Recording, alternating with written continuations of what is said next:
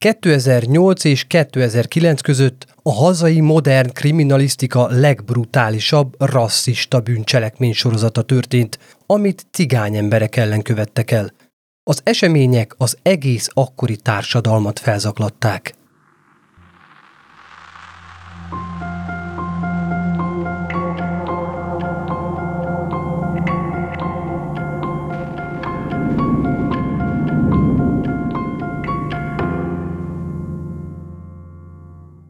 Sziasztok! Szatmári Péter vagyok, és ez itt a Bűntények Podcast legfrissebb epizódja.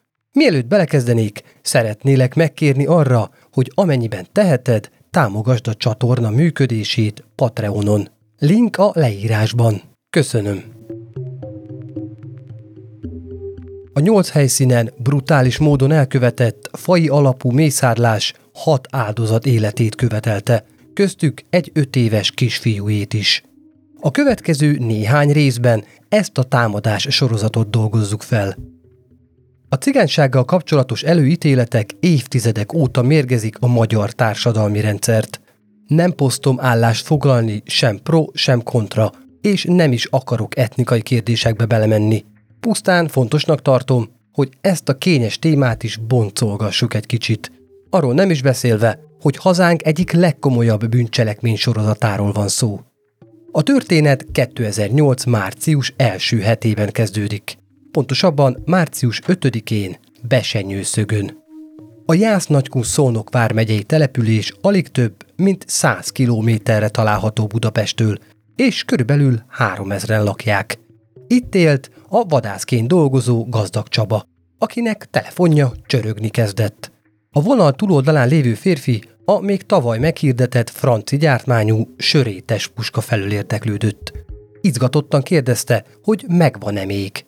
A vadász igennel felelt, elmondta, helyileg hol található a fegyver, hol lehet megnézni. Ám még mielőtt az adásvétel részleteit, jogi feltételeit elmondhatta volna, a hívó fél bontotta a vonalat. Furcsálta az esetet, de betudta annak, hogy az érdeklődőt nem tanították meg az udvarias viselkedésre. Másnap, a hűvös, kora tavaszi éjszakán éjfél körül egy kocsi tűnt fel, mely hamarosan a Ne felejts utca 15 szám környékén parkolt le.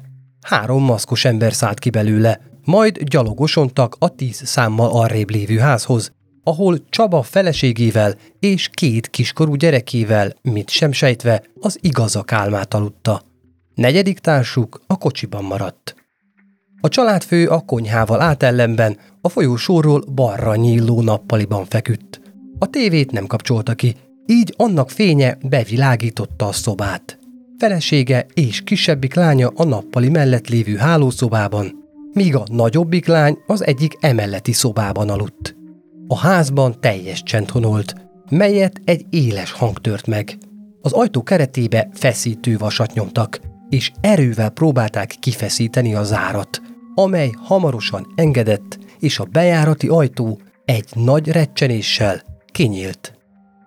A vadász megébredt az ajokra, és éppen felkelni készült, amikor az ajtó felé nézve megpillantott két símaszkos férfit, akik, amikor észrevették, hogy a tulajdonos farkas szemet néz velük, azonnal rákiáltottak. Rendőrség, földre, Hol rejtegeted a fegyvert? Az álomittas, védekezni képtelen férfit, még mielőtt bármit is szólhatott volna, kirángatták az ágyból, és a földre teperték. Hasra fektették, és egy fegyvernek kinéző tárgyat szorítottak a tarkójához, majd kezeit hátra kötötték. Folyamatosan hangoztatták, hogy meg nem merjen mozdulni. A hirtelen jött támadás annyira összehangoltnak és profinak látszott, hogy Csaba meg volt arról győződve, hogy valóban egy rendőri akció zajlik éppen. Mikor felszólították, hogy árulja el, hol tartja a fegyvereit, szó nélkül engedelmeskedett. Elmondta, hogy a keresett tárgyakat a fegyverszekrényben találják. A vadász teljesen jogosan engedéllyel tartott otthon puskákat, melyeket szakszerűen tárolt az arra kijelölt helyen. Felszólításra azt is elmondta, hogy rajta kívül még kik és hol tartózkodnak a házban. A családfő ártalmatlanná tétele után az egyik simaszkos benyitott a hálószobába. Bal kezében egy vékony csövű, pisztolynak látszó tárgyat tartott, míg jobb kezével felkapcsolta a villanyt. Ekkor látta meg a zajra felébredő, éppen kifelé induló feleséget.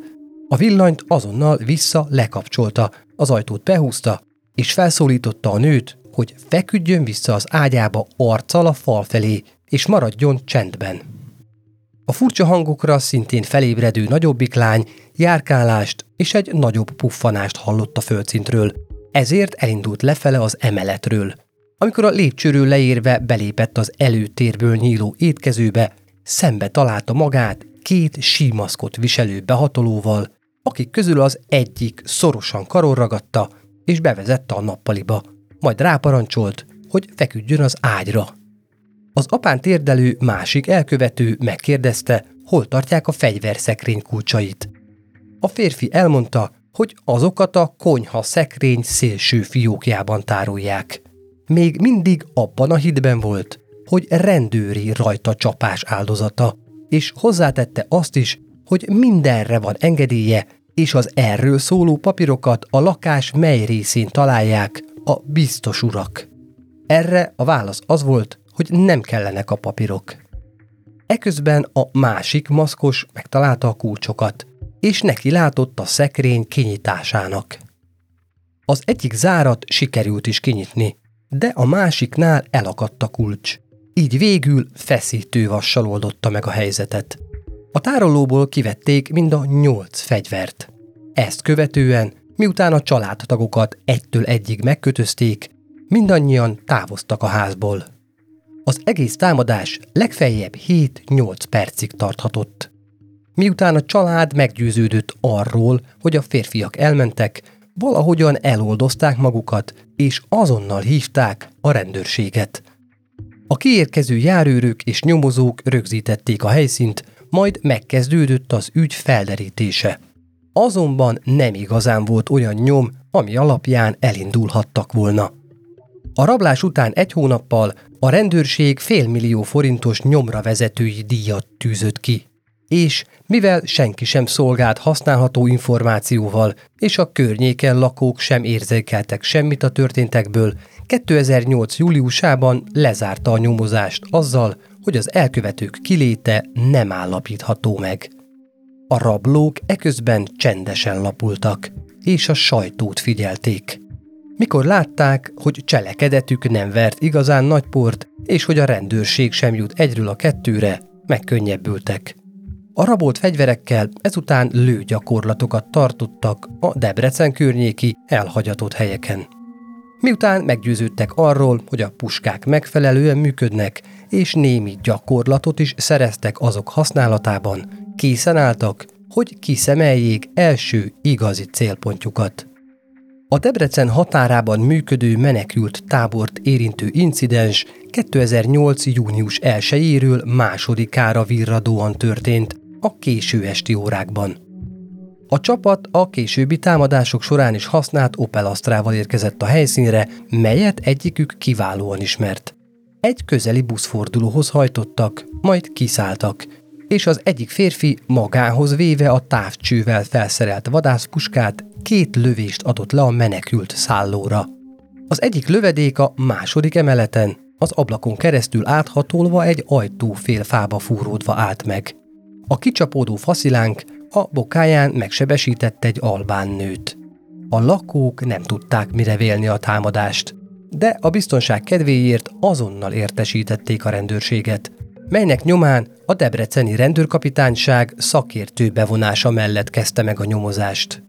Az eset jelentéktelenségét, vagy legalábbis azt, hogy azt mennyire ekként kezelték, jól mutatja, hogy csak pár nappal a támadás után értesítették a sajtót a szállót ért atrocitásról. Az elkövetőknek ekkor sem akadtak nyomukra, az egyenruhások itt is csak találgattak.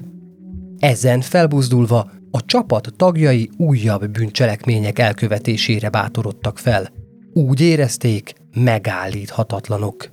Valami fajta önjelölt igazságosztót játszottak, és elhatározták, hogy megállt parancsolnak a romáknak. Az akkori politikai helyzet is kedvezett az ideológiájuknak, ugyanis nem sokkal korábban alakult meg az úgynevezett Magyar Gárda, mely a hagyomány őrzés köpenye alatt nyilasokra hajazó egyenruhával masírozva kívánta megfélemlíteni a cigány lakosságot. A gárda kisebbségek által lakott településekre szervezett felvonulásokat, melyek egyértelműen erődemonstrációt jelentettek a cigányokkal szemben. A jelenséget hamarosan felkapta a média, és a tévétársaságok tudósítói élőben jelentkeztek a különböző zsákfalvakból, cigánysorokból, hogy közvetítsék a történteket. Az elkövetők egy ilyen tévéműsort nézve figyeltek fel a Pest megyei Galga Györkre, ahol a roma-nem roma konfliktus azokban a hetekben éleződött ki olyannyira, hogy a magyar gárda is megjelent a településen. Ekkor született meg a döntés, hogy soron következő támadásukat ott hajtják majd végre. Ezt követően vette kezdetét az akció aprólékos megszervezése.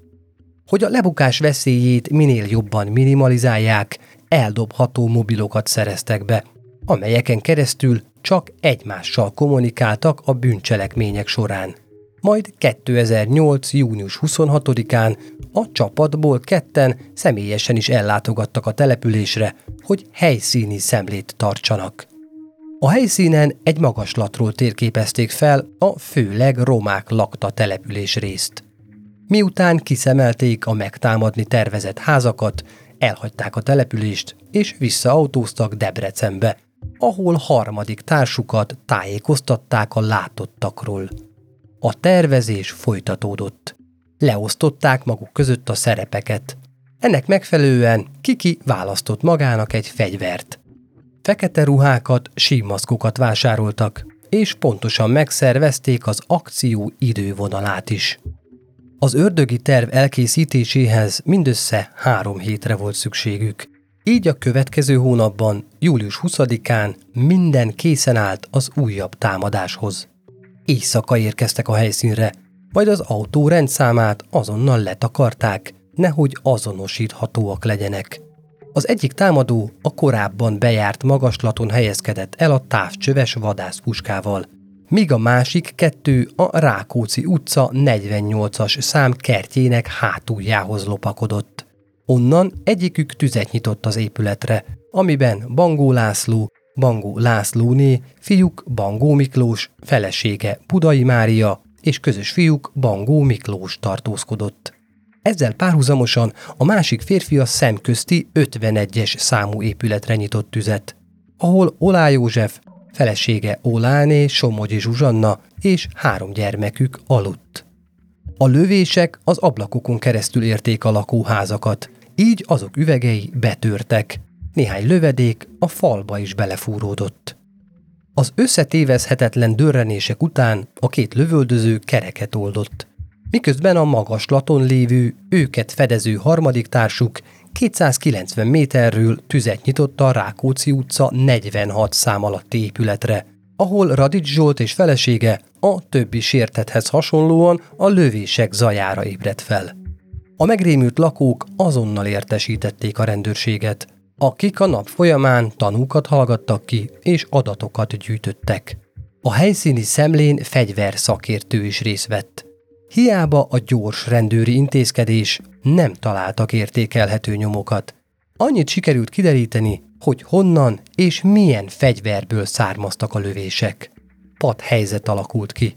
A roma lakosság kedélyeit a magyar gárdás jelenlét mellett egyre jobban nyomasztották a megszaporodó erőszakos cselekmények is. Az akcióval az elkövetők nem érték el a várt hatást.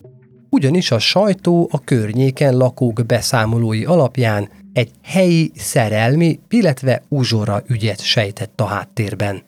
Ennek értelmében nem érték el azon céljukat, hogy tovább szítsák a magyar és a cigány lakosság közötti ellentétet. Nem volt mit tenni, elkezdték tervezni az újabb rajtaütést, bízva abban, hogy a két csoportot csak összeugraszthatják valahogy. Következő célpontjuk a Debrecen közeli, alig 2000 lelkes falu Piricse volt. Ezt a célpontot ismét az alapján választották, hogy hol mutatott be a sajtó korábban romák által elkövetett bűncselekményeket. Már szinte rutinszerűen kezdték meg a felkészülést az akcióra, de a lebukástól egyre jobban félve egy új védelmi intézkedést vezettek be. Túl kockázatosnak tartották ugyanis a kocsijukon hagyni eredeti rendszámát. Ezért az interneten olyan autók hirdetéseit keresték, melyek típusa és színe megegyezett az övékével. Ezeknek a rendszámát szerkesztették meg és nyomtattatták ki egyikük élettársával, akinek akkor még fogalma sem volt arról, hogy mire kelhetnek. Ezeket ragasztották aztán a kocsijukra, hogy beazonosíthatatlanok legyenek. 2008. augusztus 7-én este a közös albérletükben készülődtek az újabb rajta csapásra. Az előző esetektől eltérően immár nem csupán fegyvereket vettek magukhoz, hanem most először molotov koktélokat is. Így indultak útnak Piricsére, ahová végül gyalogosan az autót biztonságos távolságban maguk mögött hagyva érkeztek meg. A forgatókönyv ugyanaz volt, mint korábban. Egyik társuk messzebbről távcsöves puskával fedezte társait, amíg azok a házakhoz osontak. Az Adi Endre utca 25 és 26 szám alatti épületek megtámadása volt a cél. Éjjel egy óra magasságában egyik őjük molotov koktél dobott a 25-ös szám alatti rozoga épületre, amiben ekkor Getyinás Magdolna, Danó István és rézműves Julianna tartózkodott. Utóbbi ébredt fel legelőször a kinti mozgolódásra, és ő is oltotta el nagy kiabálások közepette az ablak nyíláson bedobott, de be nem robbant molotov koktélt. A tettes társa sem tétlenkedett, ő az utca végében található 26-os számra dobta a molotov koktélt. Ebben a házban lakott az előző ház tulajdonosának fia. Ez az elkövető éppen csatlakozni készült az átellenes háznál lévő társához, amikor észrevette, hogy valaki belülről kinyitotta a bejárati ajtót, és éppen kilépni készül. Azonnal vállához emelte a sörétes puskát, és a nő lábára célozva kétszer meghúzta a ravaszt. Az akkor 66 éves, alig 40 kilós getyinás Magdolna az ijegységtől és a lábát ért lövéstől azonnal összeesett. A nénivel és a fiával az Index készített interjút, amiben elmondta. Augusztus 8-án lesz két éve, hogy a golyók benne vannak a lábamban. Meleg éjszaka volt, éjfél múlhatott pár perccel, amikor kimentem a dolgomat végezni, és ahogy visszatértem a házba, a nyitott ablakon át láttam, hogy nagy lánggal lobog a tűz, lángol a deszka a fiamék házán. Mire észrevettem, az én házamban is ben volt az üveg. Hét decis fehér pálinkás üveg volt, abba tömködték bele a benzines rongyokat. Láttam, hogy lángol a fiamék háza. Rohantam az ajtóhoz, azt hittem megégtek a gyerekek. Nyitottam a láncot, fél lábammal kiléptem a házból, és éreztem, hogy valami nagyot csattan rajta. Annyira meg voltam ijedve, hogy nem fájt, és a lövéseket sem hallottam, pedig aztán a fiam négy töltény hüvelyt lehet a bejáratnál. Az utca legszélén lakunk. A falu végi tisztáson előfordult, hogy a fiatal fiúk petárdával játszottak. Azt gondoltam, hogy ők azok. Átkoztam is őket, hogy a francnak durrogtatnak éjjel. Aztán amikor láttam, hogy az én házamban is lángol az asztalon a terítő, tudtam, hogy ez nem petárda. A néni fia Tibor is interjút adott, melyben így emlékezett vissza arra az estére. Ki volt készítve a vacsorám a konyhában. Ettem, de nem igazán voltam éhes. Inkább bekapcsoltam a tévét, az a nyomozós film volt. Egy vörös hajú nő és egy sovány, magas srác játszott benne. Néztem egy darabig, azt aludtunk, és nagy duranásra ébredtem. Az ablak alatt feküdtünk, hatalmas világosság volt odakint a lángoktól. Felugrottam, és úgy bevágtam a térdemet, hogy szétment, aztán rohantam a gyerekekért. Lekaptam mindent az ágyról, bevittem őket az ablaktól átellenes sarokba. Biztosak voltunk benne, hogy villám vágott a házba. Ki akartam menni, megnézni, mi történt, de olyan hévvel nyitottam a kiárati ajtót, hogy beletört a kulcs. Ez az Isten nagy szerencséje. Ha kilépünk, meghaltunk volna. Az elkövetők azonnal elmenekültek a helyszínről harmadik társuk fedezése mellett. Majd az éj leple alatt visszasiettek kocsijukhoz, és elhajtottak Debrecen irányába. A rendőrség ide is hamar megérkezett, de az előző esetekhez hasonlóan nem sikerült a támadók nyomára bukkanni. Viszont a támadás sorozatok történetében először már kimondták azt, hogy az atrocitások hátterében fajgyűlölet állhat. Ennél több azonban nem történt az ügyben. A piricsei támadást követően a következő kiszemelt célpont Nyiradony Tamás puszta része volt, amire egyikőjük figyelt fel egy utazása során. 2008. szeptember 4-én a szokásosnak mondható előkészületek nélkül egy hirtelen jött lehetőséggel élve magához vette a korábban is használt Mauser típusú vadászpuskát, és egyedül indult útnak. A szokásos rendszám cserét követően autójával Nyíradony közelében leparkolt. A támadás célpontjául kiszemelt Jászmin utca kettő közelében található fás-bokros területet gyalogosan közelítette meg. Innen 60-65 méterre az épülettől éjfél magasságában tüzet nyitott. Mindkét leadott lövés behatolt az ablakon keresztül a lakásba, ahol ekkor Pataki Péter Attila és rokonsága tartózkodott. Összesen tíz személy. A zajra felébredő lakók egy darabig rémülten a sötétben az ágyban maradtak, majd nem sokkal később értesítették a rendőrséget.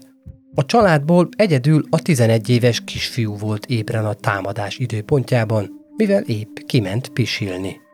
Szerencsére senki sem sérült meg.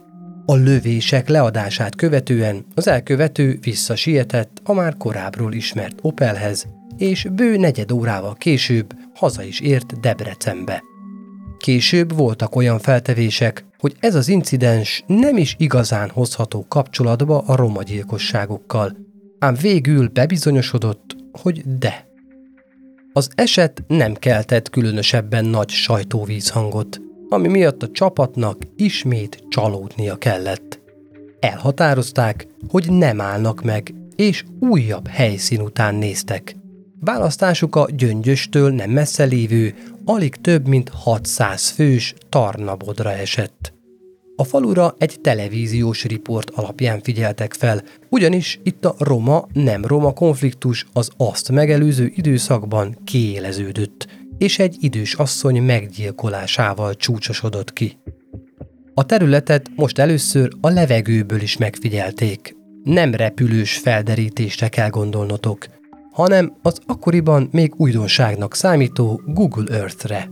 Ennek segítségével térképezték fel a falut és környékét. Természetesen egyik társuk, a korábban nyíradonyban lövöldöző férfi személyesen is elment felmérni a terepet jól megfigyelte a tévében is bemutatott cigány soron düledező házakat. Akkor már tudta, hogy pontosan ezek az épületek lesznek a célpontjai következő támadásuknak. Debrecenbe visszatérve hamarosan neki láttak az akció részletesebb kidolgozásának. A megfigyelő ott jártakor felfigyelt a falu határában a Tarna patakon átívelő fahídra, ami pont alkalmas volt arra, hogy azon keresztül jussanak el a falu végi utcákba. Csupán csak egy szántóföldön kellett még átvágniuk, hogy a házak közelébe érjenek. A hely elhagyatottsága miatt biztosak voltak benne, hogy egyetlen szemtanúja sem lesz a brutális támadásnak. Most is volt egy újítás. Úgy döntöttek, hogy a könnyebb kommunikáció miatt URH-s rádiót fognak használni a kapcsolat tartáshoz. A támadást 2008. szeptember 29-én éjfél után hajtották végre. A korábban kiszemelt útvonalon haladtak. Ám valamilyen akadályba ütköztek, emiatt el kellett térniük az eredeti tervtől, és a falu egy másik utcájába keveredtek. Itt hamarosan megkezdték az álmok futásukat. Válogatás nélkül dobálták a házakra a molotov koktélokat, majd random tüzet nyitottak a lakóépületekre. Ezután mindhárman kényelmes tempóban sétálva elindultak a Tarnapatak irányába, vissza a fahídra. Útközben egy házban felriadó, ablakhoz álló férfira rálőttek, akit a golyó épp hogy csak elkerült. Ez az akció igazán nagy kudarc volt, mert mint később a híradásokból megtudták, sikerült pont idős, szegény magyarok lakta házakat megtámadniuk. A rendőrség az esettel két fiatalt, egy 20 éves és egy 16 éves fiút gyanúsított, akiket hamarosan őrizetbe is vettek. A merényletek vízhangja ismét nem olyan volt, mint amire számítottak. Leginkább semmi sem jelent meg az újságokban, ám ha mégis, akkor is csak pár mondat erejéig foglalkoztak az ügyjel.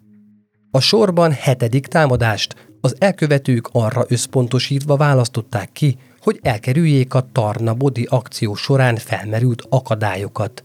Így esett a választásuk a Nagy Csécse község Dózsa György utca végében található épületére. Maga Nagy Csécs egyébként egy tiszta új város mellett fekvő, álmos kis falucska. Az előkészületeket követően a három tettes a szokásos módon készült a támadásra. Az asztrába betették a fekete ruhákat, maszkokat, fegyvereket, és az URH rádióról sem feledkeztek meg. A falu széléig kocsival mentek, majd a járművet egy földúton hagyva gyalog folytatták útjukat. A célhoz közeledve a szokásos ember kissé lemaradva követte társait, hogy hátulról fedezze azokat. A kiszemelt áldozat a Dózsa György út 8 szám alatt álló épület volt, melyben egy házaspár és szellemi fogyatékkal élő siketném a gyermekük, illetve a család fő testi fogyatékossággal élő testvére élt. Az elől haladó két elkövető a ház hátsó kertjéhez érve megkezdte az akciót azzal, hogy egyikük molotov koktélt dobott a házba. De itt nem álltak meg, Célba vették a hetes szám alatti lakóépületet is, melyben egy két gyermekes család élt. A füstre és a lángokra felriadó emberek hirtelen azt sem tudták, mi történik körülöttük. Azonnal oltani kezdték a tüzet, ám amikor látták, hogy erre nincs esélyük, kirohantak a házból. Vesztükre pont a lesben álló támadók elé. A nyolcas szám alatti házból a családfő felesége és annak testvére szaladt ki, hogy friss levegőhöz jussanak, amikor az elkövetők célba vették őket, és tüzet nyitottak rájuk. A férfit és a nőt több helyen is eltalálták, és nem sokkal később belehaltak sérüléseikbe. Rajtuk kívül a családfőt érte még lövés, amitől nyolc napon túl gyógyuló sebeket szenvedett. A támadás után a két férfi visszavonulót fújt. Erről rádión értesítették hátrébb lévő társukat, aki azért két lövést még megeresztett a távcsöves puskájából. Biztos, ami biztos. Majd, mint akik jól végezték dolgukat, elhagyták a helyszínt.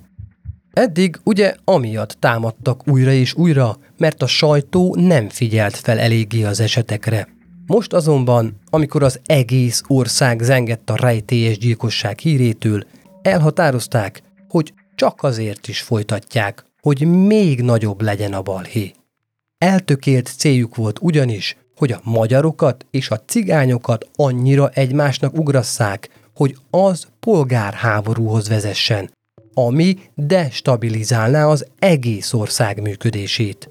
De hogy ennek mi értelme lett volna, arról már nem szól a fáma.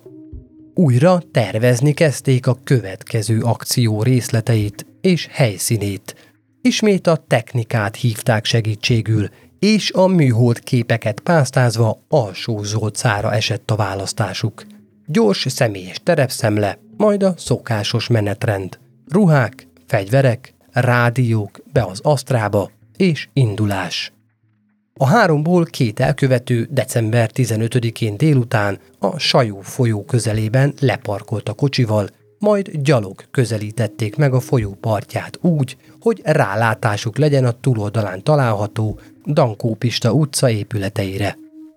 A támadást délutánra időzítették, abban bízva, hogy a korai időpontban könnyebben választhatnak maguknak célpontot. Ekkor már nem a házak megrongálása, hanem az emberek elleni támadás volt a cél.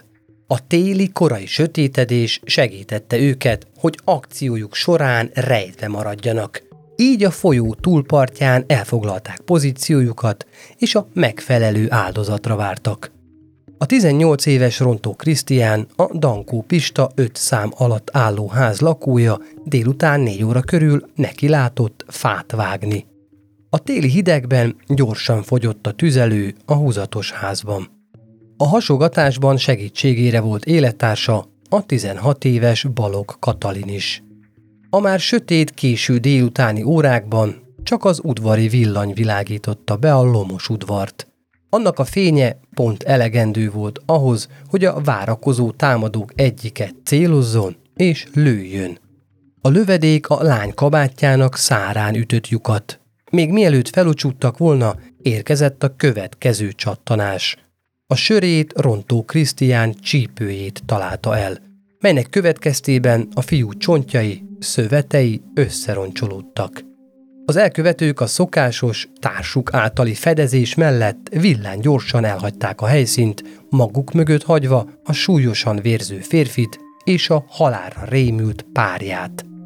A nő segítségért kiáltott, majd hívta a mentőket, akiknek a gyors segítsége mentette meg a meglőtt férfi életét. Mire a mentők megérkeztek alsó Zsolcára, a tettesek már úton voltak Debrecen felé. Érthetetlen módon ez még mindig nem volt elég a csapatnak. Újabb balhéra szomjazva figyelték a híreket. Hamarosan megtalálták a következő célpontjukat, Tatár Szentgyörgyön. Az alig 2000 fős településen már régóta feszültség uralkodott a magyar és a roma közösségek között. Így arra jutottak, legközelebb ott fognak igazságot osztani. Döntésükben megerősítette őket, hogy korábban a magyar gárda is tiszteletét tette a faluban egy látványos vonulással. Már rutinszerűen folytak az előkészületek. Műhold képek alapján feltérképezték a környező vidéket. Majd egy személyes terepszemle alkalmával kiválasztották azt a házat, melynek lakóit megleckéztetik majd. A választás a fenyves sor hármas szám alatti egyszerű, kisé romos, sárga házra esett, mely a cigány soron állt. A házban öten laktak. Csorba Róbert és felesége Jakab Renáta három kisgyermekükkel, Biankával, Robikával és Mátéval. A támadók 2009. február 22-ére időzítették a rajtaütést. Este fél kilenc körül indultak Debrecenből a Kecskeméttől északra fekvő Tatár Szentgyörgyre, ahová nem sokkal éjfél előtt meg is érkeztek. Az előzetes terepszemle alapján úgy tervezték, hogy a kocsita cigány sortól nem messze lévő erdőben hagyják, majd gyalogosan közelítik meg a kiszemelt épületet. A fedezést biztosító ember szokásához híven a fák takarásában hátra maradt, míg másik két társa molotov koktélokkal a kezükben, vállukon puskával megközelítették a ház udvarra néző, a bejárattól balra elhelyezkedő nappali vagy előtér ablakát. Egyikőjük elővette a nála lévő molotov koktél egyikét, majd megnyújtotta, és nagy erővel bedobta az ablakon. Ezt követően meggyújtotta a nála lévő másikat is. Az égő üveget ezúttal a padlás térbe hajította. A palackba töltött gyúlékony folyadék azonnal lángra kapott. Majd a padlás térben keletkezett tűz gyorsan átterjedt a fa tető szerkezetre.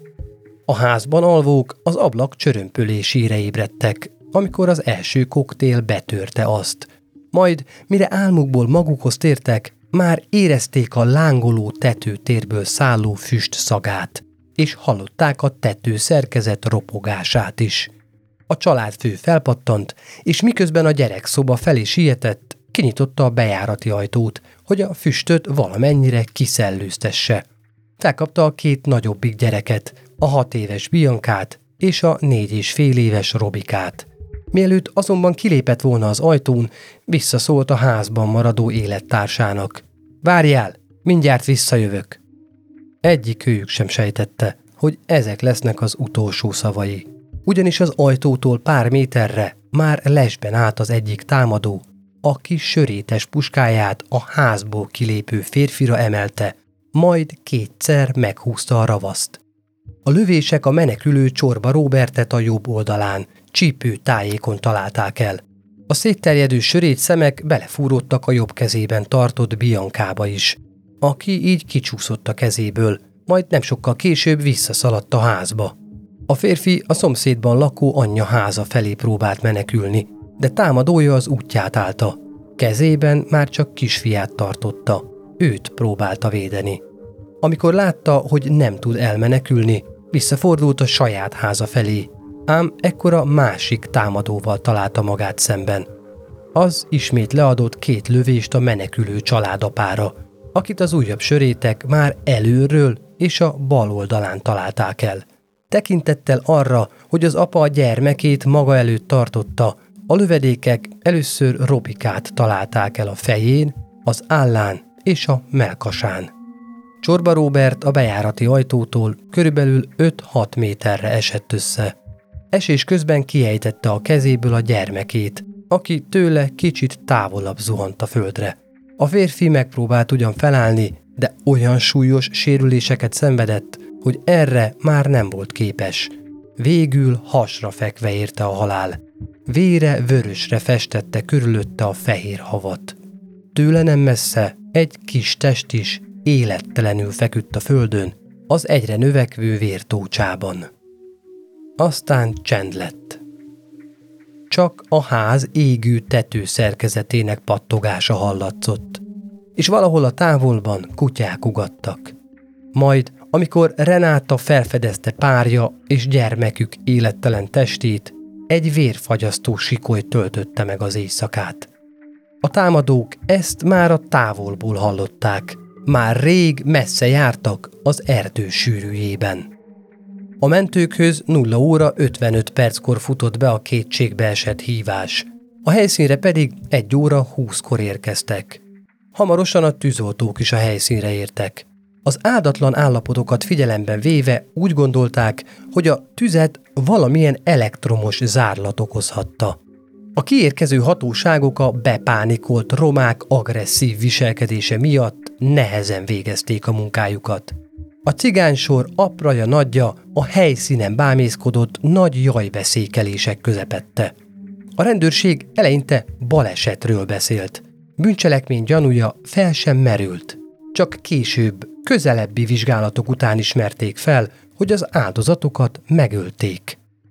A boncolási jegyzőkönyv szerint a kisfiú két lövésből származó sörét szemek okozta sérülések következtében 42 rendbeli, az arc és agykoponya, a melkas és a has, valamint mindkét felső végtag lőtt sérülését szenvedte el. Megroncsolódott az agya, sérült a melkasa, és a sörétek átjuggatták a szívét és a máját is. Azonnal meghalt. Az apja is hasonlóan súlyos, létfontosságú szerveket érintő traumát szenvedett el. Egyikőjük életét sem lehetett volna megmenteni a leggyorsabb orvosi ellátás ellenére sem. Bianca is súlyosan megsérült. Azonnal a budapesti Heimpál gyermekkórházba szállították. Neki a fizikai sérülésein kívül maradó lelki sérülései is keletkeztek. Az anyát és legkisebb gyermekét füstmérgezéssel a legközelebbi kórházba vitték. A kiszálló járőrök inkompetenciáját később a belső rendőrségi vizsgálat igazolta. A helyszínre érkező dabasi rendőrök fegyelmit kaptak. A helyszín tíz órán keresztül nem volt lezárva. Nem történt nyombiztosítás. Az egyik rendőr levizelte a nyomokat. A csorbáékat ért lövésekről pedig először azt mondták, hogy a gerendákból kiálló szögek okozták. Arról próbálták meggyőzni a túlélő feleséget és a kislányt, Biankát, hogy nem molotov koktélos támadásnak estek áldozatul, hanem bizonyal szakszerűtlenül volt bekötve az elektromos vezeték, hisz cigányok tudtira lopják az áramot. Valami szikra gyújtotta fel a padlásteret, a lezuhanó gerendákból kiálló szögek ütötték a sebeket Roberten és Robikán. Dehogy is sörét nyomok azok, dehogy. Ezek persze nem voltak igazak. Az csak pár hónap múlva derült majd ki, hogy valójában kik voltak a felelősek a kisfiú és édesapja halála miatt. De ne szaladjunk ennyire előre. Hallgassunk bele a Roma produkciós iroda által a gyilkosságokat követően felvett hanganyagba. Fiam meghalt, az unokám meghalt, kisunokám kórházban van, műtik, mennyien valószínű sokkot kapott. 27 éves volt a Robi, aki meghalt, az arra ébredt fel, hogy égett a ház. Gyorsan hamar mentette a családját, a gyerekeket. És amikor a kisfiúhoz ért, az ölébe fogta, kilépett a gyerek vele, a fiú, abban a pillanatban három lövés kapott. A szíve alatt, meg a combjába, és a kis négy éves kisfia kezébe volt. És akkor meghalt. A kisgyerek is, meg meghalt az apuka is. Láttuk az egész nyomozást, hogy lezajlott. Hát a vérnyomokon átléptek. Akkor a monotól koktél ott volt az ajtón, az ajtó előtt egyértelműen látszott, az egy laikus számára. Éreztük a benzinszagot, láttuk az üvegdarabokat, hogy ott a monotól koktél robbanás volt. És mikor felhívtuk a rendőrség figyelmét, minden áron arra törekedtek, hogy az nem, az bentről származott az üveg. És mondtuk, hogy ez így laikus, lássa azt, hogy itt ez benzin akkor a söréteken átlépkedtek, és akkor azt mondták, hogy itt nem történt olyan, nem kigyulladt az áram. Valami zárlat okozta áram miatt haltak meg. És amikor kijöttek a rendőrök, mondtunk neki, hogy mi történt, azt mondta, hogy ez nem lövés, hanem a gerenda szakadt rá, vagy hát, valamilyen fanyag. A szög fúrta át neki. Reggel 8 órakor még a rendőrség nem volt hajlandó azt elfogadni, hogy itt gyilkosság történt. 10 órakor érkezésem előtt két perccel húzták ki ezeket a sárga ö, szalagokat, és kérték meg az embereket, hogy ne jöjjenek erre a területre, mert hogy valószínű, gyilkosság történt. Az a tény, mely szerint két haláleset történik, és azon vitatkozunk reggel 10 órakor, hogy megölték-e őket, vagy füstmérkezésben haltak meg, és konkrétan az itteni nyomozó, nyomozók vezetője ezt mondta nekem, amikor megérkeztem, akkor akkor nyilván felmerül egy óriási kérdőjel, nem csak bennem, az itt lakókban is teljesen jogosan. Nem mondtam, hogy nem, hibázt, nem hibáztak a rendőrök. Természetesen minden körülményt tisztázni fogunk, hogy mi lehetett annak az oka, hogy elsődlegesen a tűzoltóság a tűzokát elektromos tűzként, elektromos hibának jelölte meg. A támadás után a Nemzeti Nyomozó Iroda az elkövetők pszichológiai profiljának megalkotására FBI szakértőt kért fel. A bűncselekmény elkövetése után öt nappal már azt valószínűsítették, hogy egy három-négy fős csoport követte el a kettős gyilkosságot. Emellett nem csak a nagy Csécsi és a Tatár Szentgyörgyi támadások között lehet összefüggés, de a megelőző év júliusi Galga Györki támadás is ennek a támadás sorozatnak lehet a része. A nyomozók ekkor már sejtettek valamit, de még nagyon kevés bizonyíték állt rendelkezésükre, hogy leszűkítsék az elkövetők körét. Sajnos a nyomozás lassúsága miatt nem sokára újabb brutális támadás történt. A csoport egy újabb emberrel bővült, a férfit már korábbról ismerték, és mivel katonai előélete volt, úgy gondolták, hasznos tagja lehet a csapatuknak. Mivel a legutóbbi akciójuk óriási vihart kavart, sokkal óvatosabbnak kellett lenniük. Eltökélt céljuk volt azonban, hogy tovább szítsák a romák és magyarok közötti etnikai feszültséget. Úgy érezték, végre elérik céljukat, így nem akartak megállni. Most már kifejezetten ölni akartak, és ettől az sem tántorította el őket, hogy a rendőrség óriási erőkkel kereste az elkövetőket. Választásuk a Nyíregyházához közeli Tiszalökre esett, ahol a magyar lakosság már többször összetűzésbe keveredett a helyi cigány lakossággal. A már jól ismert metódust alkalmazták, műhold képek tanulmányozása és helyszíni terepszemle. Ide kétszer is ellátogattak, hogy alaposan megvizsgálják, merről közelítsék meg a kiszemelt házakat, és hogy megfelelő menekülési útvonalat alakítsanak ki. Április 22-én pontosan két hónappal a legutóbbi támadásuk után követték el a soron következő rajtaütést. Ezúttal az új fiút is vitték magukkal. Ő volt a sofőr. Az egyik korábbi társuk viszont nem tartott velük. Így azon az éjszakán hárman utaztak, aki próbált Asztrában. Amikor este tíz fele a településre, azon belül is a kiszemelt helyre, a Ne felejts utcába értek. Két elkövető kiszállt a kocsiból, harmadik társuk pedig elhajtott, és polgáron várt arra, hogy telefonon jelt kapjon, hogy visszamehet értük. Amikor a kocsi elhajtott, a két elkövető vállára kapta a gitártokba rejtett fegyvereket, és gyalogosan közelítették meg a Ne felejts utca 27 számmal szemközti, romos, gazos területet. Ezt a telket megfelelőnek tartották arra, hogy onnan hajtsák végre az akciót. A szemközti épületben éppen ekkor készült munkába Kóka Jenő, aki feleségével tartózkodott otthon. Amikor kilépett a házból, éjszaka révén felkapcsolta az udvari lámpát, hogy kocsijához menjen. Nem sejthette, hogy pont ezzel segítette támadóit, akik nem sokat teketóriáztak. Egyikőjük vállára emelte a távcsöves puskát, célzott és lőtt. A lövedék Jenő szívét találta el, aki azonnal élettelenül esett össze. A dőrenés hangjára kiszaladt a házból felesége, aki már csak férje élettelen testét találta a bejáratnál. Mi alatt a sokkot kapott nő kiabálása felverte az utca csendjét, a két elkövető a megbeszéltek szerint gyalogosan elhagyta a helyszínt, és hívták harmadik társukat. A telefon sokáig kicsengett. Amikor a sofőr végre felvette, megkönnyebbültek. De a hangja nem volt a szokásos. Sietősen elhadarta, hogy éppen igazoltatják, majd bontotta a vonalat. A tettesek idegesen néztek össze, de nem tehettek mást, vártak. Mindeközben polgár mellett az út szélén folyt a rendőri intézkedés.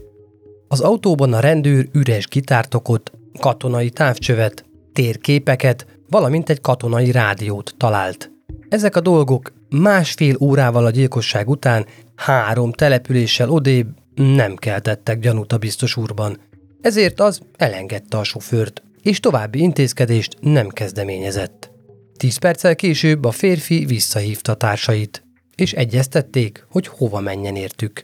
A tettesek a közeli vasúti töltésnek nekidőlve lapultak, amíg a sofőrjüket várták. A megkönnyebbüléstől és az adrenalintól majd kicsattanó férfiak az autóban harsogva ünnepelték az este sikerét. Meleg helyzet volt, de ezt is megúzták. Ám itt még nem ért véget az éjszaka.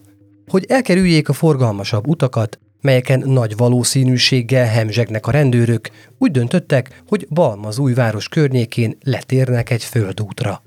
Ám a tavaszi esőzések miatt az út teljesen fel volt ázva. Az elején még csak-csak tudtak haladni, de egy ponton teljesen elakadtak. Próbálták a kis asztrát kiszabadítani, de nem jártak sikerrel. Ekkor úgy döntöttek, hogy egyikőjük hívja fel élettársát, aki korábban a rendszámtáblát nyomtatta nekik, és kérjen tőle segítséget. A nő valamilyen érthetetlen okból mindenféle kérdezősködés nélkül a helyszínre autózott. A férfiak átültek az ő kocsijába, majd az elakadt asztrát hátra hagyva visszatértek Debrecenbe. A három elkövetőből kettő a helyüknek számító klubban elrejtette a fegyvereket, majd visszaindultak, hogy környékbeli segítséget igénybe véve kihúzzák az asztrát a sárból. Egy mezőgazdasági műhelyben kértek meg valakit arra, hogy traktorral vontassa ki az autójukat.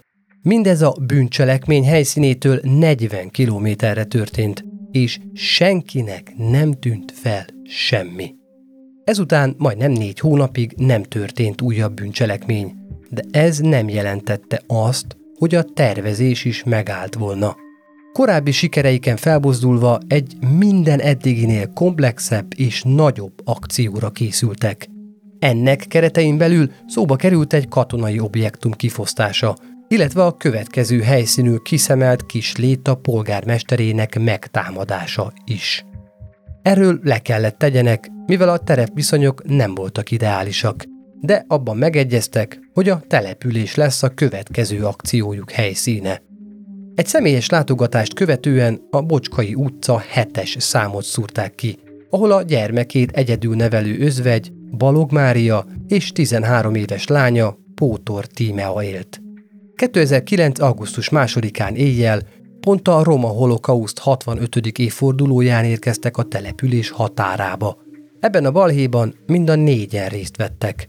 Az eredeti hármas egy erdei főúton nem messze a helyszíntől kiszállt a kocsiból, majd a sofőr visszament Debrecenbe.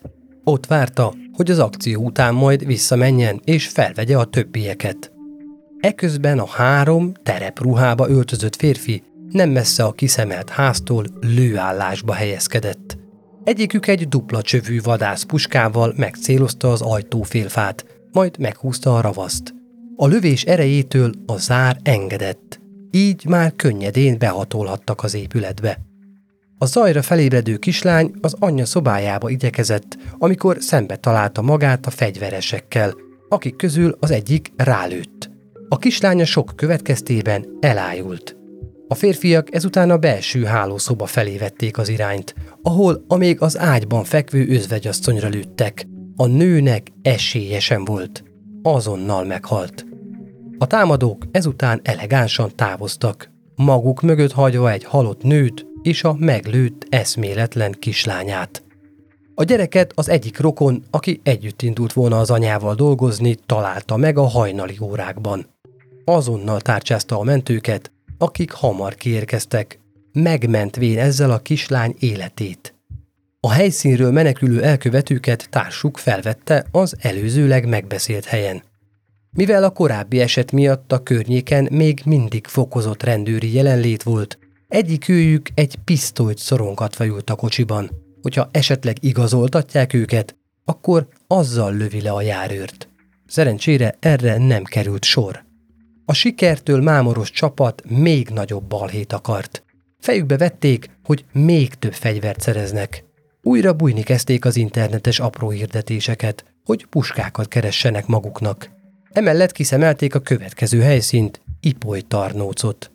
A műholdas felvételeken már be is voltak jelölve a cigányok lakta részek, a lehetséges megközelítési és menekülési útvonalak. Az akciót 2009. augusztus 23-ára tervezték, de valamilyen okból már nem tudták végrehajtani. Hogy mi történt ezután, megtudhatjátok a következő epizódból. Köszönöm, hogy most is velem tartottatok. A részt Szilágyi Perjesi Réka írta. Az intro zenéjét Komlósi Máté gondolta újra. Az epizód Spotify-on látható kóverét pedig Pop Annabella készítette – hatalmas köszönet nekik érte. Találkozunk a következő epizódban. Addig is, sziasztok!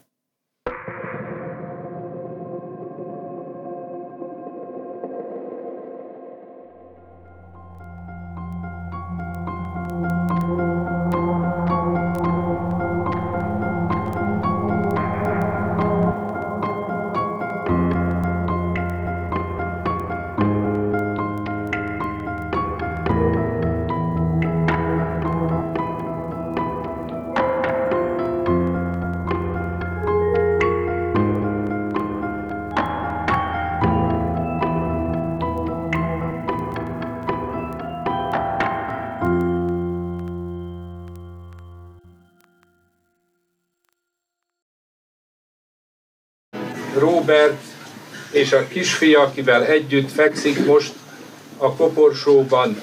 Vajon van-e ma Magyarországon annál mélyebb árok, mint az ő sírjuk, ahová lebocsátjuk őket, és nem akarjuk hinni, hogy velük együtt az utolsó reményünket is eltemetjük, a tekintetben, hogy lehet-e demokratikus Magyarországon élni, lehet-e egy olyan világot elképzelnünk, ahol mindenki alapvető emberi jogai szerint élhet, ahol mindenkinek az élete egyformán fontos, ahol igazságot szolgáltat a hatalom azoknak, akiket bármi bántás ért, és mi itt ezen a helyen mélyen meghajtva a fejünket, szégyenkezve állunk itt és keressük a gyászoló család bocsánatát, keressük, ami megbántott cigány testvéreinknek a bocsánatát, akiknek tartozunk. 500 éve már azzal, hogy befogadjuk őket, nem őket akarjuk rábeszélni arra, hogy próbáljanak beilleszkedni, hanem mi akarjuk őket magunkhoz ölelni, és ez nem történt meg. Vajon látjuk-e és érezzük a felelősségünket abban a gyűlölet beszédben, aminek nincs vége, abban az árokásásban, amit nem tudunk betemetni és abba hagyni. Vajon lesz-e egyenlő elbánás, lehetőség arra, hogy emberhez méltóan éljenek testvéreink? Vajon van-e bocsánat szociális bűneinkre? Vajon van-e bocsánat arra, hogy a kisemmizett és méltatlanul mellőzött embereket, magukat akarjuk felelőssé tenni sorsukért? Ó, bocsánat, bocsánat, bocsánat.